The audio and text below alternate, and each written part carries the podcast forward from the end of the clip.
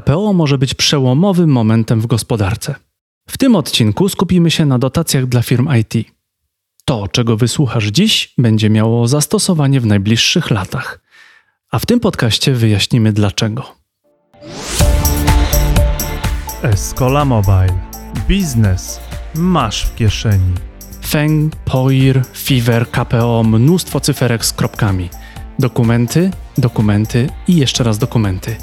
Warto, ponieważ w tym podcaście powiemy, jak Software House może uzyskać dofinansowanie na swoją pracę. Aby nie zagubić się w przepisach i nie utonąć w ilości dokumentów, zaprosiliśmy osobę, która na dofinansowaniach wykuła swoje doświadczenie. Kiedy i od czego zacząć? Jakie szanse KPO da firmom technologicznym? Czego nie robić i na co przeznaczyć energię, aby skorzystać z unijnych dotacji? Do podcastu zapraszamy najlepszych. Zdobywamy ich wiedzę, nagrywamy to wszystko i dzielimy się nią w postaci podcastu, filmu na YouTubie czy artykułu na naszym blogu escola.pl. Dzięki temu możesz zainspirować się do rozwoju, zmiany w swojej firmie i skorzystać z doświadczenia innych. Wersję wideo tej rozmowy znajdziesz na naszym blogu escola.pl. Zapraszamy. Dzień dobry, dzień dobry. To jest Escola Mobile. Gorąco, jest to też gorący okres, kiedy każdy myśli, jak wyciągnąć pieniądze z Unii Europejskiej. Słyszymy o KPO, słyszymy o nowej perspektywie i z nami jest człowiek, który o tych sprawach wie wszystko. Wojtek, szef Grand Capital, cześć. Cześć. Słuchajcie, to jest człowiek, który chyba możemy powiedzieć, y, jest wspomaga dwa projekty, w których ja także uczestniczę jako kierownik badań i rozwoju, więc znamy się z Wojtkiem Hoho, a nawet jeszcze dużo dłużej jeszcze. Tak, I tak, pamiętam, tak. to jest człowiek, który naprawdę wiedział, jak wyciągnąć kasę z UE i, e, i tak zaprosiłem go dzisiaj, żeby nam trochę opowiedział i podzielił się tą cenną, dosłownie cenną wiedzą. Dwa tematy mamy na opracowanie dzisiaj. Zaczniemy od góry, co to są za pieniądze, czyli porozmawiamy o KPO, którym Krajowy Plan Odbudowy, o którym pewnie dużo słyszycie w radio, jak i lub telewizję, jeśli oglądacie telewizję. I porozmawiamy o nowej perspektywie, co mnie zawsze śmieszy, śmieszy dlatego że ona jest od 2021 do 2027. Popraw mnie. Dokładnie Wojtek. tak, a jeszcze się nie zaczęła. a jeszcze się nie zaczęła, więc teraz w perspektywie 2.14-2.20. Tak, i jeszcze, i jeszcze są dotacje z tej perspektywy, ostatnie resztki. E, ostatnie tak. resztki. Tak, tak. tak więc, więc raczej ci, którzy nas słuchają na przykład i będą nas słuchać pod koniec 22 czy początek 23, to to, co słyszycie teraz jest cały czas aktualne.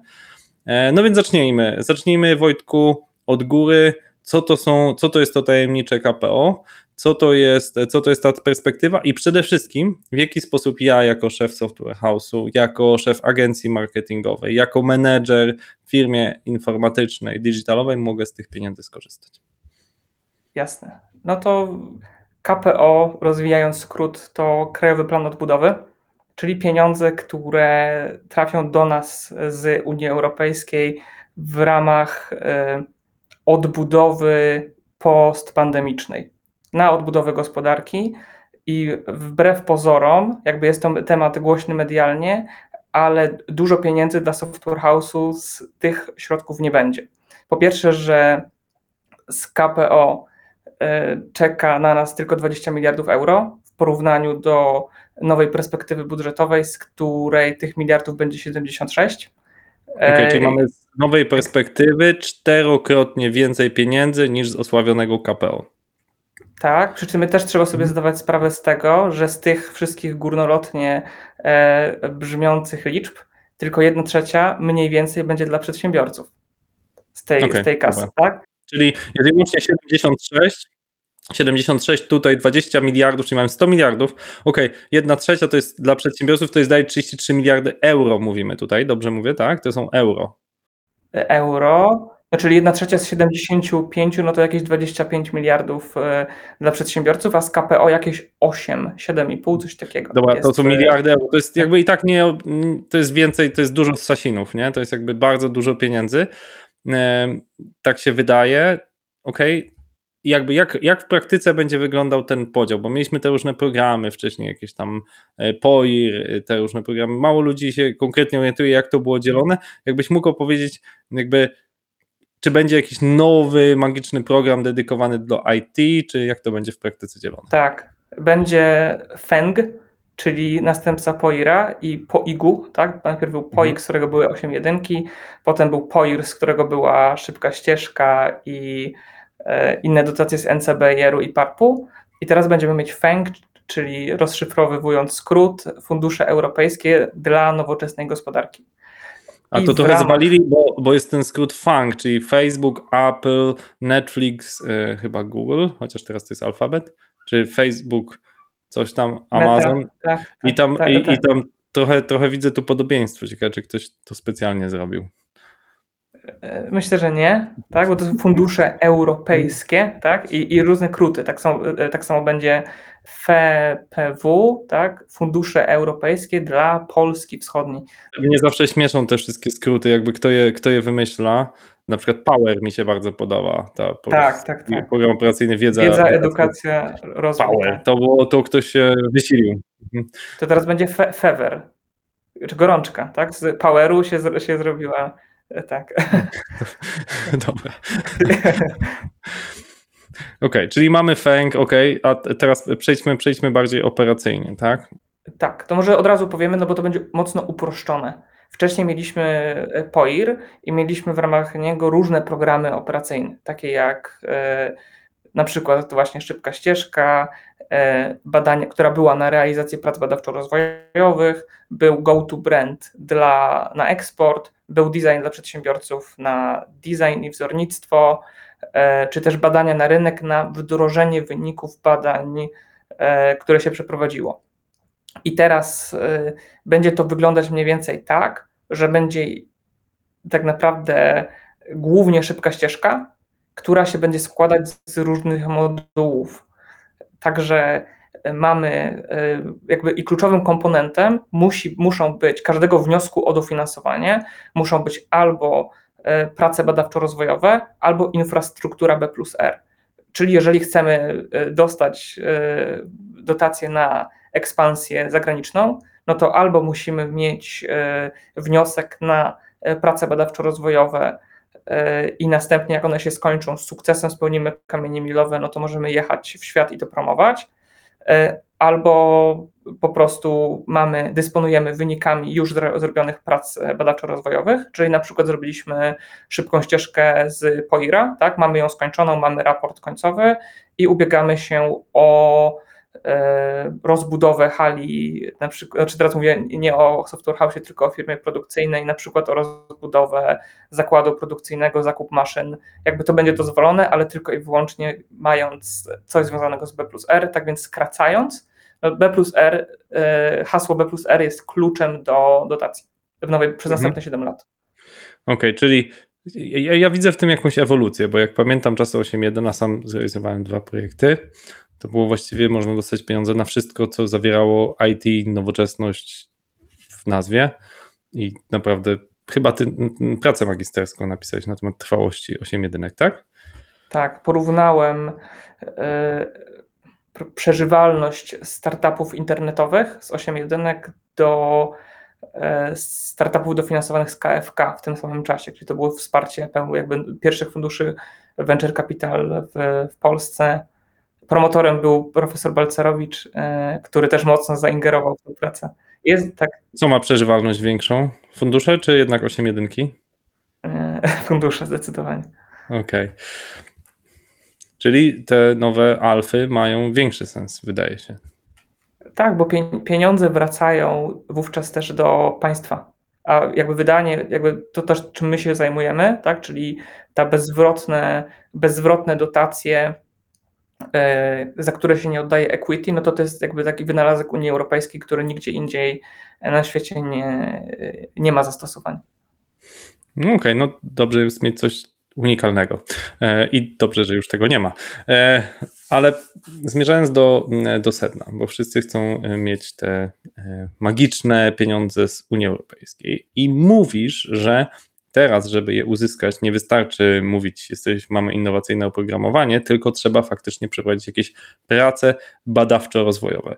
Mm, Ja to rozumiem tak, e, najprościej, jako, jako aktywny kierownik e, projektów B plus R, że to znaczy, że może się to nam udać, ale może się coś, coś nie udać i to jest bardzo ważne, bo większość oprogramowania jest zwykłą pracą programistyczną i zrobienie strony portalu może się wyłącznie udać. Można to oczywiście koncertowo zrobić źle, natomiast jeżeli, e, tak jak w naszych projektach, nie wiem, badamy, e, czy da się rozpoznawać spektrum autyzmu z wykorzystaniem sztucznej inteligencji, trzeba na to zebrać odpowiednio dużo danych i to będzie w jakimś przybliżeniu oddawać te, te wyniki. No i nie wiemy, czy nam się uda rozpoznawać spektrum autyzmu, albo czy się uda tylko w tak minimalnym stopniu, że nie będzie można tego zastosować faktycznie w przemyśle. Czy jeżeli będziemy optymalizować w drugim projekcie nauczanie języka angielskiego do indywidualnych potrzeb, też za pomocą um, dużych zasobów danych, big data i zaprzężonych w to indywidualizacji, to mamy nadzieję, że to się uda, ale może się to też nie udać, mimo że my wszystko zrobimy zgodnie z kamieniami milowymi. Taka jest moja osobista definicja, komuś muszę wytłumaczyć, czym jest praca P plus R, bo wiele osób myśli, że to znaczy, że muszą być w to zaangażowani naukowcy, wezmę trzech doktorów, jednego profesora będzie super, a to jest moim zdaniem nie kluczowe. Kluczowe to jest coś, że robimy wszystko dobrze, a może się to nie udać, bo po prostu no, taki jest charakter nauki. Prowadzisz dużo badań, niektóre rzeczy udają się spektakularnie, inne się niestety nie udają. Czy dobrze zdefiniowałem? Bardzo dobrze, rewelacyjnie.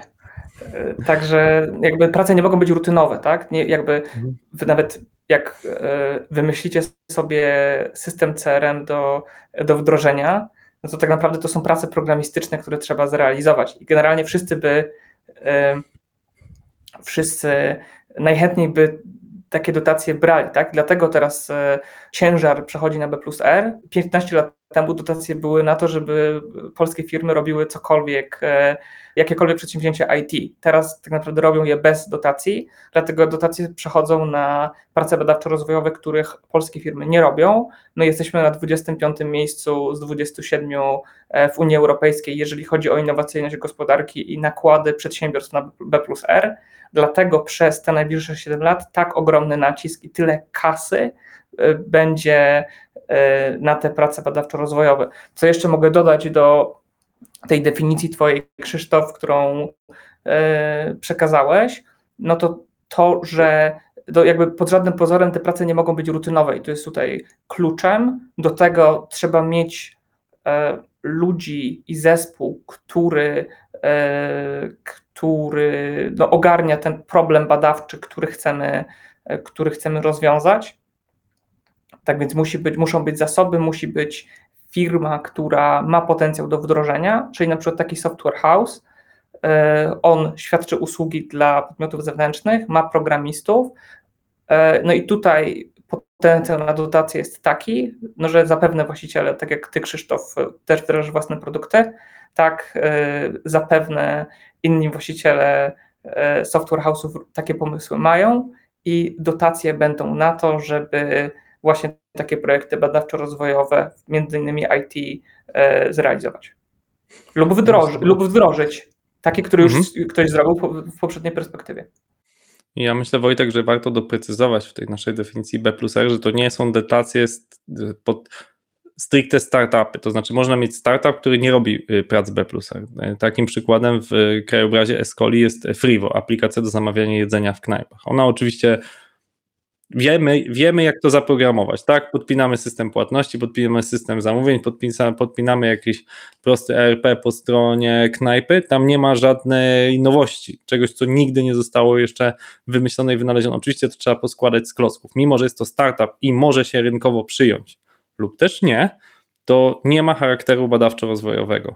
Badawczo-rozwojowy tak. to może być określenie, czy na przykład za pomocą naszego headlessowego, mikroserwisowego systemu e-learningu będziemy w stanie zwiększyć skuteczność edukacji o 10%. I to jest kolejna rzecz, myślę, o której warto powiedzieć, ta mierzalność. Trudna, strasznie, wydaje mi się, wiele osób ma z tym problem, bo z jednej strony musimy określić coś nierutynowego, coś niestandardowego, coś wynaleźć, coś odkryć, a z drugiej strony musimy starać się określić, że to będzie lepsze dwukrotnie, trzykrotnie. Czyli jeśli e, mamy e, jakieś firmy, które się zajmują game devem, to na przykład renderują środowisko, ma jakiś silnik do renderowania tego tła, i on na przykład renderuje to dwukrotnie szybciej, ten silnik, ten, ten nowy, ten zrobiony za pomocą właśnie pieniędzy unijnych, albo robi to z większą szczegółowością.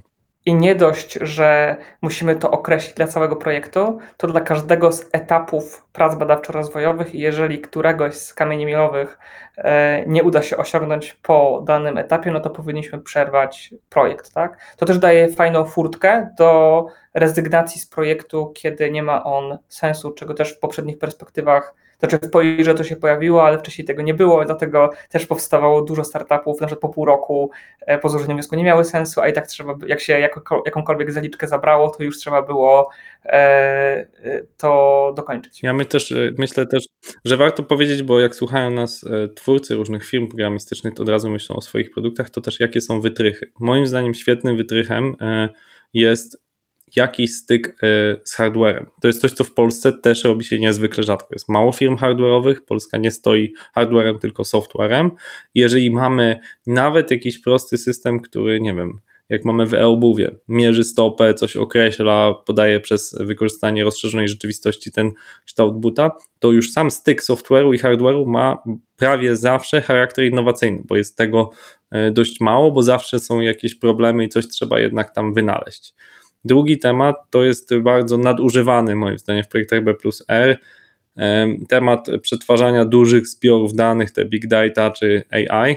Moim zdaniem to jest chyba maksymalnie wykorzystywane, niemniej też no, na tym polega trochę charakter tej faktycznie stosowanej sztucznej inteligencji, że ona trochę nieprzewidziane jest, czy zadziała, czy faktycznie otrzymamy określony wynik. I teraz Pytanie, jak to pożenić, czyli z jednej strony właśnie mamy coś, co może się udać albo nie, a musimy określić pewne parametry. I tu, tu jest to trudne pytanie do Ciebie, jak to zrobić. To jest taka praca koncepcyjna, która pochłania nam nad wnioskiem kilkanaście godzin i też generalnie od tego zaczynamy i dla, jakby nasze wnioski badawczo-rozwojowe zaczynamy właśnie od, e, prosimy klienta o e, przedstawienie tych cech nowości projektu, do których dojdziemy po e, x latach realizacji projektu i czym one będą mhm. lepsze od e, konkurencji, tak? I to jest taka baza, od której wychodzimy. No i jeżeli firma tutaj sobie z tym nie radzi, no to po prostu no generalnie albo jeżeli nie ma żadnego potencjału, no to musimy odpuścić i poczekać na konkursy E, na dotacje wdrożeniowe, które w małej wielkości, ale jakieś tam będą, tak? Albo pracujemy, szlifujemy tak, żeby to miało, e, żeby zrobić kolejny krok i przygotować jakiś schemat agendy badawczo-rozwojowej. Mhm. A z Twojego doświadczenia, bo zrobiłeś tych projektów, czy realizujesz mm, jako doradca, tak? Pewnie kilkadziesiąt, tak? tak? To tak. masz już spory ogląd rynku. Tak. Mm, jakie są najczęstsze błędy, które popełniają ludzie na etapie przygotowania pisania wniosków. Naciąganie i robienie tego na siłę.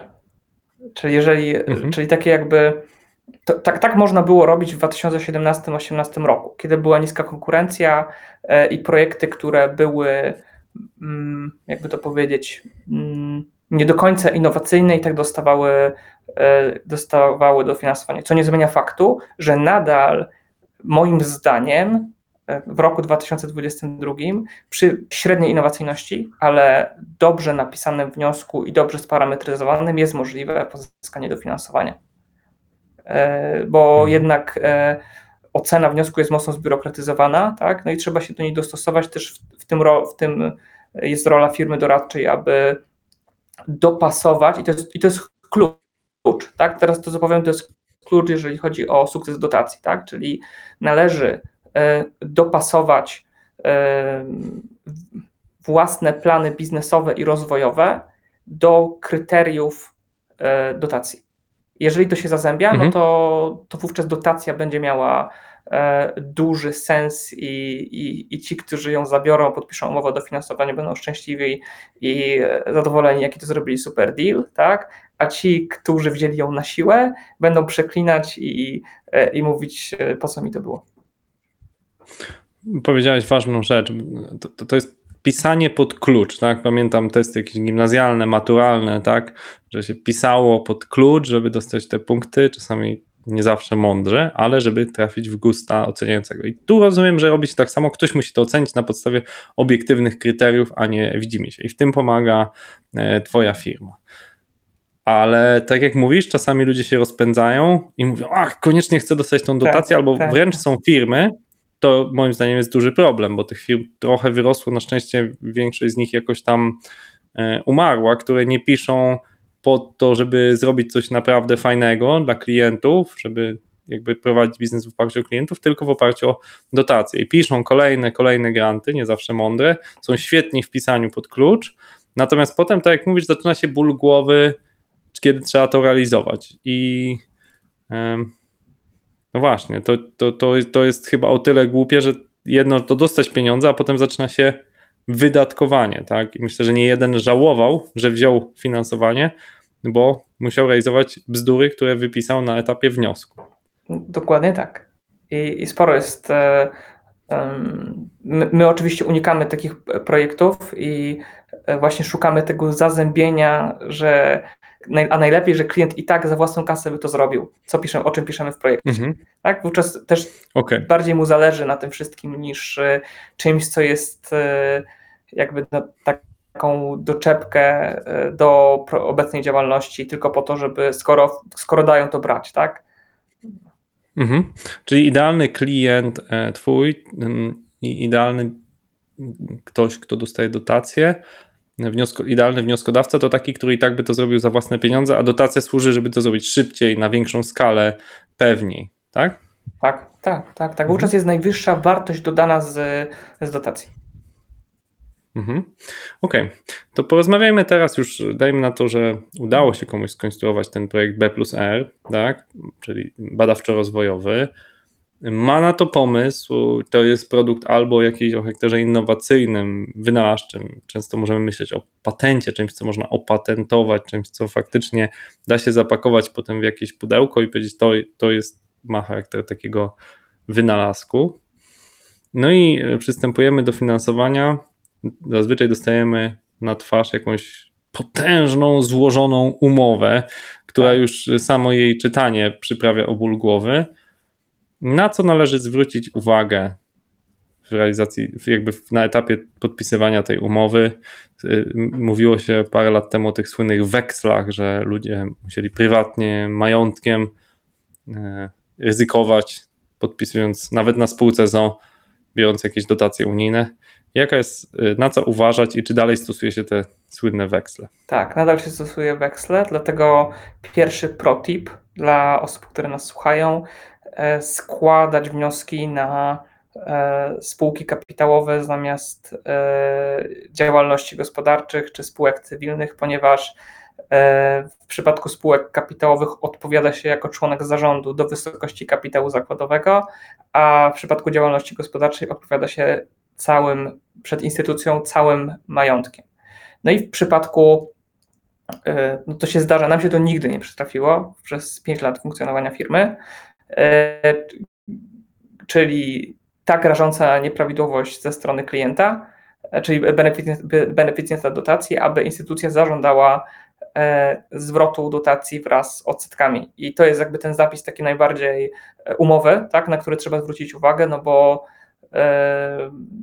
no bo on jest, tak? I instytucja może e, w przypadku no, stwierdzenia nieprawidłowości, oczywiście jakby instytucjom nie zależy, żeby odbierać dotacje, ponieważ w praktyce działa to tak, że gdyby, gdy instytucja odbiera dotacje, to tak jakby pieniądze e, sama się wkopuje, bo musi je wydać gdzieś indziej, jak ich nie wyda, no to pieniądze Polska musi zwrócić Komisji e, Europejskiej. Więc na to trzeba zwrócić uwagę, podpisując umowę o dofinansowanie. Inną sprawą, też tak, takim zobowiązaniem jest okres trwałości, czyli przez 3 lata od zakończenia realizacji projektu, czyli e, akceptacji ostatniej płatności. E, nie można zawiesić e, ani zaprzestać działalności spółki. Tak? Ona po prostu musi istnieć, produkty muszą być w ofercie, a zależnie od programów czasem i trzeba na przykład zatrudnić określoną ilość pracowników, czy też wykręcić określony obrót na, z produktu, który jest przedmiotem dotacji. Mhm. Okej, okay. a po, po, powiedz, bo powiedziałeś, że okej, okay, ten, ten taki najsilniejszy, ten, ten taki, ta bomba atomowa, czyli zwrot całej dotacji z odsetkami zdarza się rzadko. Niemniej e, słyszałem bardzo dużo historii, że jednak część dotacji trzeba było zwrócić, bo na przykład ktoś zawnioskował o zakup sprzętu. E, Potem e, napisał w bazie konkurencyjności przetarg sprzęt, miał założony w budżecie pół miliona. Okazało się, że ktoś się zgłosił, kto dał ofertę na 400 tysięcy. Mamy 100 tysięcy oszczędności. No i wówczas no możemy oczywiście co robić? Czy próbować to przesuwać? Czy da się dokupić wtedy więcej sprzętu, czy, czy po prostu musimy te 100 tysięcy oddać, tak? Ciesząc się, że udało się w sumie i tak sprzęt kupić taniej. No, zależy nam wszystkim jako e, obywatelom Polski, żeby więcej pieniędzy zostało dla innych i było efektywnie wydatkowane. To da się przesuwać w takich sytuacjach. Jest to, jest, jest to możliwe, jakby programy też są coraz, na szczęście coraz bardziej e, elastyczne, ale też jeżeli chodzi o zobowiązania z umowy, no to jesteśmy zobowiązani do wydatkowania środków zgodnie z tak zwaną zasadą konkurencyjności, e, czyli każdy wydatek powyżej 50 tysięcy, a w nowej perspektywie powyżej 20 tysięcy będzie musiał Złotych przejść czy euro? złotych. Będzie musiał przejść przez tak, tak zwaną bazę konkurencyjności, czyli no to jest taki powiedzmy ala przetarg, e, w którym e, no, wykonawcy zgłaszają się e, ze swoimi ofertami. Hmm, czyli tu działanie w drugą stronę, czyli zamiast zazwyczaj się zwiększają te progi, a tutaj, tutaj mamy 20 tysięcy, to naprawdę nie jest dużo pieniędzy, bo wcześniej wystarczyło trzy oferty zebrać, tak, Tak. I, Tak, i to wystarczyło. tak. Okej. E, No to pomówmy teraz od początku. Co jest ważne, jeżeli chcemy najpierw pozyskać te pieniądze, potem je skutecznie wykorzystać, na koniec rozliczyć? No to zacznijmy od planowania tego od początku. Mm, Jak jesteśmy na etapie przygotowania wniosku, mamy już po tym podcaście w miarę względne wyobrażenie, że musi to być projekt B plus R, że musi mieć charakter badawczy, albo być na styku jakichś y, naprawdę złożonych prac informatycznych, nie rutynowych, że albo zawierać jakiś komponent hardware'owy, na co należy zwrócić szczególną uwagę przy pisaniu wniosku, no poza oczywiście spełnieniem, tak jak mówisz, trochę napisaniem pod klucz, czym, na czym ja jako właściciel firmy technologicznej nie chcę się tak naprawdę nigdy do końca poznać i nie pretenduję do specjalisty, chyba że jestem Aseko czy Komarchem i mam swój dział, który się tym zajmuje oczywiście. No to myślę, że na, na początku w ogóle można zacząć od y, określenia tego celu biznesowego, jaki ma firma, no i sprawdzić, na przykład odez- odezwać Mhm. się do nas z zapytaniem, czy są programy, w ramach których da się to definiować. Tym krokiem jest ocena, czy to rzeczywiście innowacyjne, no co robimy my w ramach e, tej jakby takiej pierwszej konsultacji. E, I do Mhm. tego też warto formalnie sprawdzić, czy spółka może się ubiegać o, o, e, o dotację. Tak? W przypadku na przykład skumulowanej straty, która przekracza dwukrotność kapitału zakładowego, nie można podpisać, można napisać wniosek, ale nie można pozyskać dotacji. Tak samo są czasami dotacje z pomocy de minimis, jeżeli ma się wyczerpaną, to też nie, e, nie da rady, więc takie formalne sprawdzenie też jest De e, minimis, czyli chyba tam 200 tysięcy euro, nie wiem w jakim to W ciągu trzech lat, rocznie, tak, w tak? Trzech lat. w ciągu trzech lat. Tak, Mhm. tak, tak. Jest, jest, jest taki, taki wymóg. Ale to nie E, wszystkiego dotyczy, bo na przykład właśnie te dotacje z NCBR-u to są kilkumilionowe, czyli jak to jest, że niektóre są de minimis, a inne nie są? Jakby skąd to się bierze? Wiesz, co, tutaj przy tych z NCBR-u tak naprawdę de minimis występuje tylko przy pracach e, przedwdrożeniowych e, i jest na nie dwa- 200 tysięcy euro, a jeżeli się ma wyczerpane, no to się ma 50%, tak? Czy w ramach de minimis ma się 90%, a w ramach e, pomocy publicznej 50%. No, w każdym razie warto na to zwrócić uwagę. Tak samo też nie może być zakazu korzystania z pomocy publicznej. E, Osoby tam nie mogą, w zarządzie nie mogą być karane. To są, my to sprawdzamy na samym początku, tak? Bo można. Najgorsza jest sytuacja, w której się pozyska dotację, a potem e, nie można z formalnych przyczyn podpisać umowy. Tak? Nam się to nigdy nie przytrafiło. Też dlatego- czasami ym, są ograniczenia, jeżeli chodzi o powiązanie przedsiębiorstw, prawda, że nie wiem, tam nie można sobie zlecać nawzajem, bo teraz dużo nas słucha, czy software house'ów, czy jakichś agencji marketingowych, czy innych osób zajmujących się działaniami technologicznymi, no i wtedy pojawia się pomysł, no to otwórzmy jakiś spin-off, startup i będziemy sobie zlecać do, do nas prace programistyczne. No to tak nie można, rozumiem, bo to wtedy są przedsiębiorstwa powiązane. Tak, no to jest taka historia, e, za którą można dostać e, zwrot dotacji z odsetkami po jakimś czasie. Mhm. Okej, okay, czyli mamy, mamy te założenia takie formalne, sprawdzone, czy w ogóle możemy się ubiegać, tak? Co, na czym y, w drugiej kolejności musimy się skoncentrować? Wspomniałeś rozpisanie kamieni milowych, tak? Tak, a nawet najpierw to, co, na co my zwracamy uwagę, no to jest e, taka tabel, dajemy klientom taką tabelkę z produktami projektu i czym się będą jakby e, prosimy, aby wypełnić sparametryzowane przewagi wobec konkurencji. No i to jest jakby takie twarda, no, twarde przewagi, które możemy sprawdzić, e, ocenić niczym eksperci NCBR-u, e, no i porównać, na ile to ma sens i na ile się sprawdzi. Tak? Jeżeli zdaje egzamin u nas, no to zapinamy pasy i, e, i podpisujemy umowę no i, i zaczynamy pracę. Przy czym teraz też jest jedna ważna, ważna rzecz. To jest mit, że firma doradcza sama napisze wniosek bez pomocy, bez wkładu merytorycznego. Musi być, e, szczególnie w przypadku dotacji badawczo-rozwojowych, właśnie ekspert naukowy, który ma, jakby, który przygotuje plan tych badań, jak one będą po prostu po kolei e, realizowane wraz z tymi kamieniami milowymi.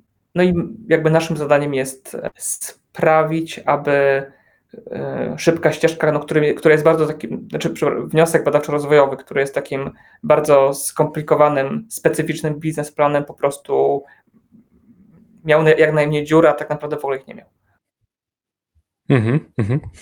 No właśnie, ile trwa przygotowanie wniosku? Bo ja ze swojego doświadczenia pamiętam, że jeden wniosek to przygotowałem chyba rekordowo szybko, to może miesiąc, a na, mówię o szybkiej ścieżce, czyli dofinansowaniach na kilka milionów złotych, natomiast e, najdłużej to chyba półtorej roku. I to nie mówię o jakimś tam półtorej roku dumania, tylko spotkań e, raz na dwa tygodnie, a potem już praktycznie codziennie, dumania, koncepcji, pisania kamieni.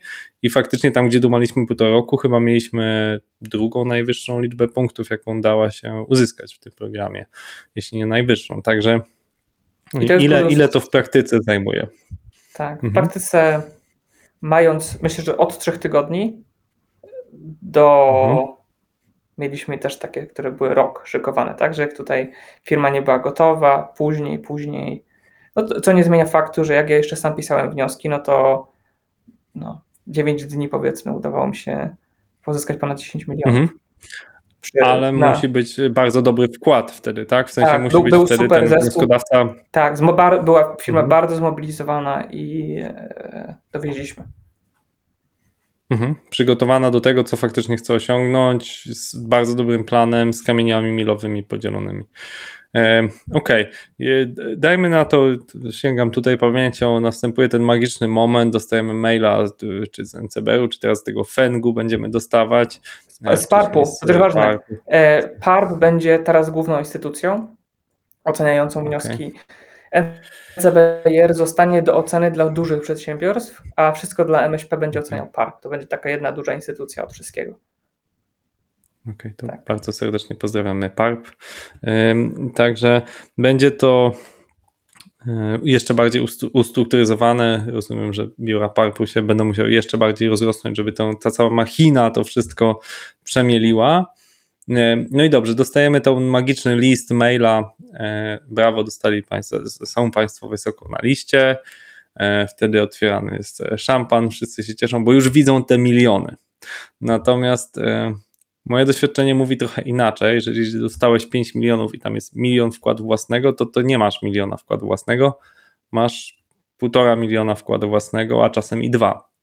Dlatego, że nie zawsze wszystko się uda tak idealnie wpasować w te tabelki. Czasem się okaże, że coś jest droższe e, niż się pierwotnie zakładało. Jak, jak ty to widzisz ze swojego doświadczenia tych kilkudziesięciu projektów?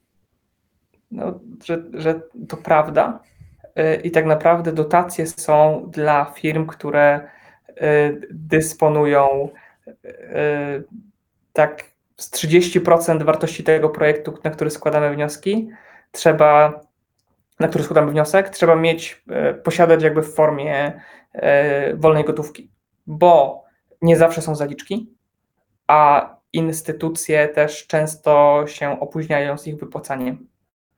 Tak więc szczególnie w przypadku dotacji badawczo-rozwojowych, gdzie e, pieniądze są na wynagrodzenia w ramach umowy zlecenia i umów o pracę, czyli muszą wychodzić cyklicznie y, i Tak. instytucja nam się zacina z, e, z płatnością, no to jest, jest problem, więc to też trzeba No tak, bo my płacić pytanie- musimy. tak, a nie mamy od Mhm. instytucji. I Mhm. dlatego, dlatego nawet startupy mogą wnioskować, bo tak naprawdę tych nowych konkursach tam nie będzie wymogu, że trzeba, nie będzie wymogów na przykład, że trzeba mieć e, nie wiem, przychody na poziomie 5 milionów e, albo 10 etat, albo powiedzmy status e, małego przedsiębiorcy. Czegoś takiego nie będzie, więc nawet startupy mogą składać wnioski, ale startupy muszą mieć zapewnione Mhm. finansowanie, inaczej po prostu nie ma to sensu. Mhm, mhm. No dobrze, a to poradź, skąd bierze się na ten e, magiczny wkład własny? No, jesteśmy tam e, właśnie te 4 miliony, milion trzeba włożyć, to co wtedy zaczyna się pęd po inwestorach? Czy można wziąć jakieś pożyczki, pokazując bankowi, ok, dostałem 4 miliony, to bank proszę mi dać tutaj milion? Jak, jak, jak, skąd te pieniądze się biorą zazwyczaj? No i zazwyczaj dlatego najlepiej, żeby wnioski składały firmy, które już mają trakcję i mają przychody z bieżącej działalności, tak jak na przykład software house'y, a nie startupy, e, które są zakładane no, przez e, osoby, które mają dobre chęci, tak, chcą podbić rynek, ale jeszcze nie mają trakcji i kasy e, na finansowanie swoich pomysłów. Uważam, że nawet, nawet konstrukcja z inwestorem warunkowym jest niebezpieczna. No bo zmienia się na przykład teraz, tak? Za pół roku nie, wie, nie wiemy, jaki będzie, jak, w jakim stanie będzie polska gospodarka, ile będzie kosztował pieniądz, e, jakie będą stopy. E, Więc po prostu tak uważam, że dotacje badawczo-rozwojowe są raczej dla firm, które już coś udowodniły, już coś robią i już na czymś zarabiają. Mhm. To ciekawe spostrzeżenie, bo bardzo wiele y, tych pieniędzy trafia jednak do startupów. Mamy też sporo tych projektów właśnie tej Polski Wschodniej, gdzie ludzie właśnie rejestrowali jakieś małe spółki. I to będzie dla Trochę, startupów. żeby- To zostanie, to będzie, to, to będzie się nazywało to FEPW, czyli Fundusze Europejskie dla Mhm. Polski Wschodniej i nadal będzie inkubacja i, oraz e, inkubacja i następnie to dotacja milion, nie wiem, może zwaloryzują to o inflację, że Mhm. będzie wyższa, to pozostanie i to generalnie jest opcja, to jest taka 8.1 dedyko- w nowoczesnej formie. Okej, czyli, czyli niezmiennie w e, następnych siedmiu latach Polska Wschodnia będzie stała startupami rejestrowanymi w e, Białymstoku, w Rzeszowie. I, w sied- I teraz będzie i protip kolejny. E, Siedlce i powiat siedlecki będzie też na 70%. Czyli teraz firmy z Warszawy to chyba jest e, tam e, zaczną się e, rejestrować. Okej, nie zazdroszczę Urzędowi Skarbowemu w Siedlcach, bo nagle dostanie dodatkową partię firm. Wróćmy, Wojtek, do tematu, kiedy już prowadzimy wniosek, tak, musimy określać te, określiliśmy te kamienie milowe, zakładamy, że zrobiliśmy to względnie rozsądnie i teraz musimy, rozumiem, co tam kilka miesięcy, tak, 3, 6, 9, 12 miesięcy, powiedzieć, dobrze, nasz algorytm do renderowania tła w danej grze, nasz algorytm rozpoznający spektrum autyzmu działa faktycznie o 10% lepiej, bo to, to i to badania pokazują nam, że faktycznie e, działa. I, i jak, jak, jak, to, jak to faktycznie jest sprawdzane? Czy to. Bo ja szczerze mówiąc, napisałem tych raportów kilka, ale no mam takie spostrzeżenie, że nikt nigdy mi w mój algorytm nie zajrzał. I się zastanawiam, czy to tak zawsze jest, czy ja miałem pecha, że nie przyszedł żaden informatyk. Szczególnie zaglądają przy wniosku o płatność końcową. A tak, no to jest no generalnie sam wniosek, jak i te raporty są oceniane przez profesorów i doktorów z nauki, z dziedziny nauki, której dotyczy wniosek. Tak to wygląda. I, i każdy raport teoretycznie powinien być spra, sprawdzony i rzadko, co, co prawda rzadko dostajemy uwagi jakiekolwiek do tego. E, trzeba na pewno dopracować ten ostateczny raport bardzo dobrze, bo on jest szczególnie sprawdzany. Mhm. Okej, okay, czyli to początek jest najważniejszy i koniec, a, a środek wpływa, domyślam się, na ten koniec, bo jak mamy dobrze ustrukturyzowane te etapy, to wtedy łatwiej jest na końcu się obronić. Tak. Mhm. Dokładnie tak to działa. E, Okej, no to już jesteśmy przy końcu, czyli dajmy na to, że realizujemy konsekwentnie te kamienie milowe. Po oddaniu wpływają do nas kolejne transze pieniędzy i jesteśmy już na końcu. To, co mówiłeś, to koniec nie zawsze oznacza koniec, czyli może się okazać, że skończyło się finansowanie, ale jeszcze mam 3 lata trwałości, 5 lat trwałości, nie mogę zamknąć spółki, tak? Czasami nie mogę zwolnić ludzi, a przynajmniej utrzymać ilość etatów w zatrudnieniu. Na co jeszcze warto zwrócić uwagę, żeby po prostu nie musieć zwracać tych pieniędzy. Na wskaźnik przychodowy. W dotacjach e, właśnie na B plus R określamy tak zwaną opłacalność wdrożenia, e, która jest e, mm, no, tak naprawdę dotacja się musi, musimy udowodnić, że, że projekt jest opłacalny, czyli wartość projektu razy półtora i tyle musimy wygenerować sprzedaży z tego produktu, którego co prawda w ciągu pięciu lat od zakończenia projektu, czyli mamy pięć lat i musimy ten wskaźnik osiągnąć i tak naprawdę można te wskaźniki zmieniać w trakcie realizacji projektu, ale jeszcze tego nie, jak, jako, jakby jeszcze tego nie doświadczyliśmy, no bo to jednak jest 5 lat od e, realizacji projektu i dopiero firmy, dla których pozyskaliśmy, są na tym etapie, gdzie projekty się kończą i oni zaczynają sprzedaż.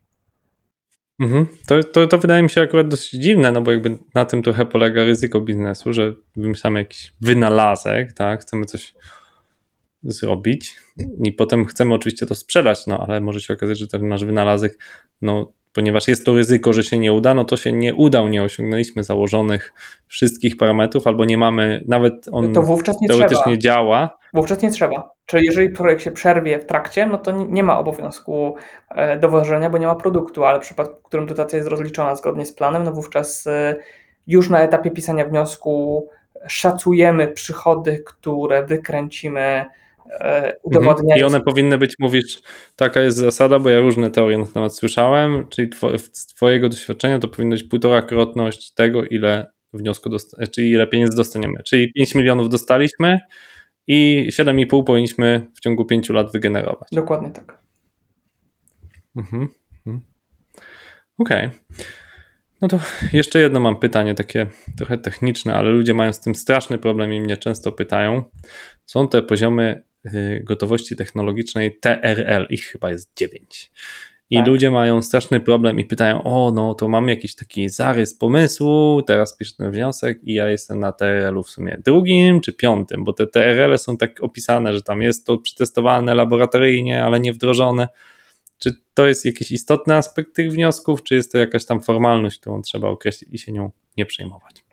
Bardzo, nie, to jest bardzo istotne, szczególnie, że od TRL 1 do TRL 6 mamy e, z uwzględnieniem ryczałtu 100% dofinansowania, e, a od TRL 6 i, i powiedzmy i to się nazywa prace badawcze, a od 6 do, od 7 do 9 są prace rozwojowe, czyli prace badawczo-rozwojowe się dzielą do TRL 6 i od TRL 7 w górę.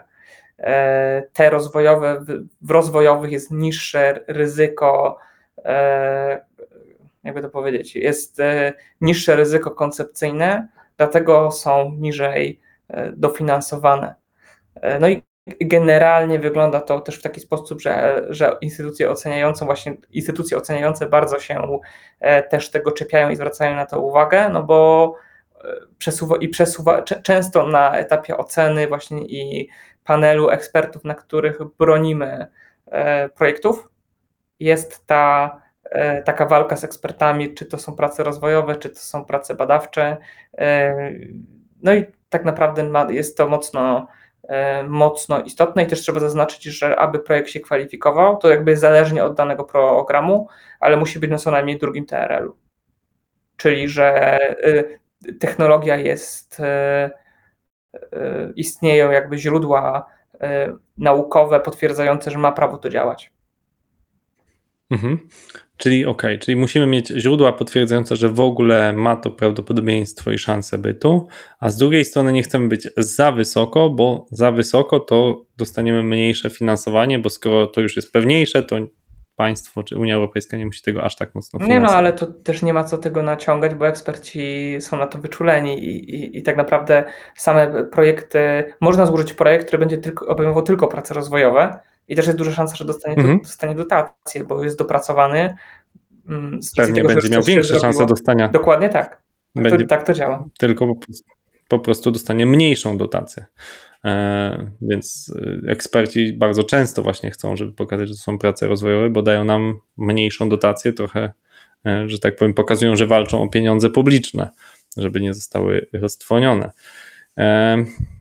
Dobrze, Wojtku, wydaje mi się, że pokryliśmy chyba całą gamę zagadnień od tego, skąd te magiczne pieniądze są. To wiemy, że z podatków. Niemieckich i francuskich emerytów je, jeszcze, na szczęście. Mhm. Ale dobra, to zaczęliśmy od tego, potem powiedzieliśmy w jaki sposób przygotować się do pozyskania grantu i właściwie na co te pieniądze będą w nadchodzącej perspektywie, potem na co uważać, e, jak ważne są kamienie milowe i to przygotowanie technologii i na co uważać przy zakończeniu wniosku. Czy uważasz, że jeszcze jest coś, o czym powinniśmy słuchaczom powiedzieć, żeby z sukcesem mogli korzystać z akceleracji swoich pomysłów badawczo-rozwojowych i nie tylko dla różnych biznesów IT. Myślę, że daliśmy i tak solidną dawkę wiedzy dla, dla słuchaczy. Chyba to jest. No to jeszcze powiedz, gdzie Cię tak. można znaleźć, żeby y, w praktyce skonsultować swoje pomysły. Na LinkedInie czy Facebooku jestem otwarty na wszystkie pytania. Y, I też jakby no, mamy dział e, konsult, jakby świadczymy konsultacje nieodpłatnie e, i nawet jeżeli teraz nic nie będzie dla, dla danej firmy, no to a nuż na pewno nie odpuścimy kontaktu i, i to nawet trudno się czasami spodziewać, co się pojawi.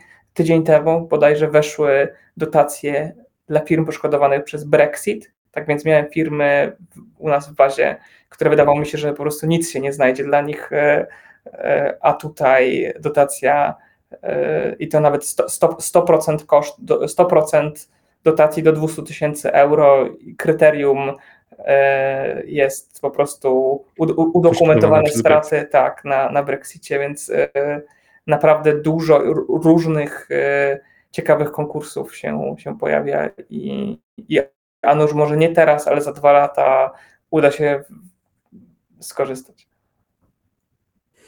Jest wspaniałego, no to prawda, warto, warto być czujnym i nie ma szans, żeby mała firma, e, taka nawet stuosobowa Escola prowadziła bieżący podgląd tego, na co się pojawiają pieniądze.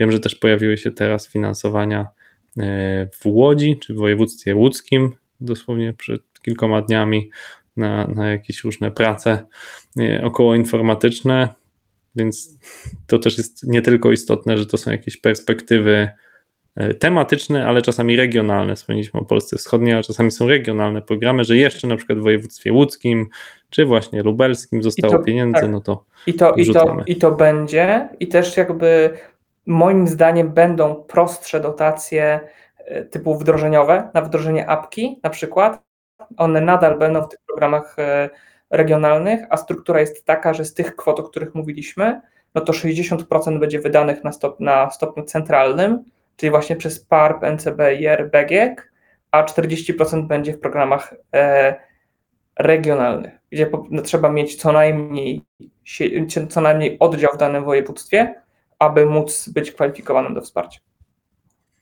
Czyli warto mieć trochę oddziałów i szczególnie na, warto mieć oddziały w Polsce Wschodniej. Tak, tak znaczy nawet, nawet e, mhm. e, tak, tak, tak, to jest, e, to jest A to jest dobry protip.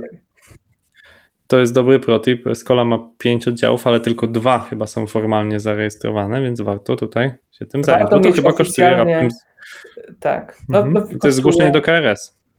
No jest zgłoszenie, ale jeszcze jest koszt siedziby wirtualnego, albo wirtualnego biura, albo no musi być na przykład e, miejsce, gdzie jest ten oddział prowadzony i powinna być na, nie, e, na niego umowa i czekają się o to urzędy skarbowe. Wręcz nawet robią kontrolę z, e, z działu VAT-u, żeby potwierdzić, czy dany oddział istnieje. Więc to też dajemy jako tak, jako tip. Mhm. Okej. Okay. E, dzięki serdeczne Wojtek za zastrzyk wiedzy o, o pieniądzach z Unii Europejskiej dla, dla firm informatycznych i digitalowych. E, dzięki za podzielenie się Twoją wiedzą.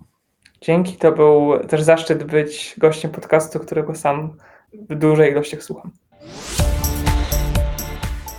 Escola Mobile. Biznes masz w kieszeni. Dziękujemy za Twój czas i za to, że spędziłeś go z nami. Wierzymy, że dzielenie się wiedzą zwiększa jej ilość, dlatego do podcastu zapraszamy najlepszych. Zdobywamy ich wiedzę, to wszystko nagrywamy i dzielimy się nią w postaci podcastu, filmu na YouTubie i blogu na naszej stronie escola.pl. Dzięki temu możesz skorzystać z doświadczenia innych i zainspirować się do zmiany. Dziękujemy, że jesteś z nami przez 123 odcinki. To była rozmowa z Wojciechem Bączykiem. Rozmawialiśmy o dofinansowaniach dla firm IT z KPO. Do usłyszenia.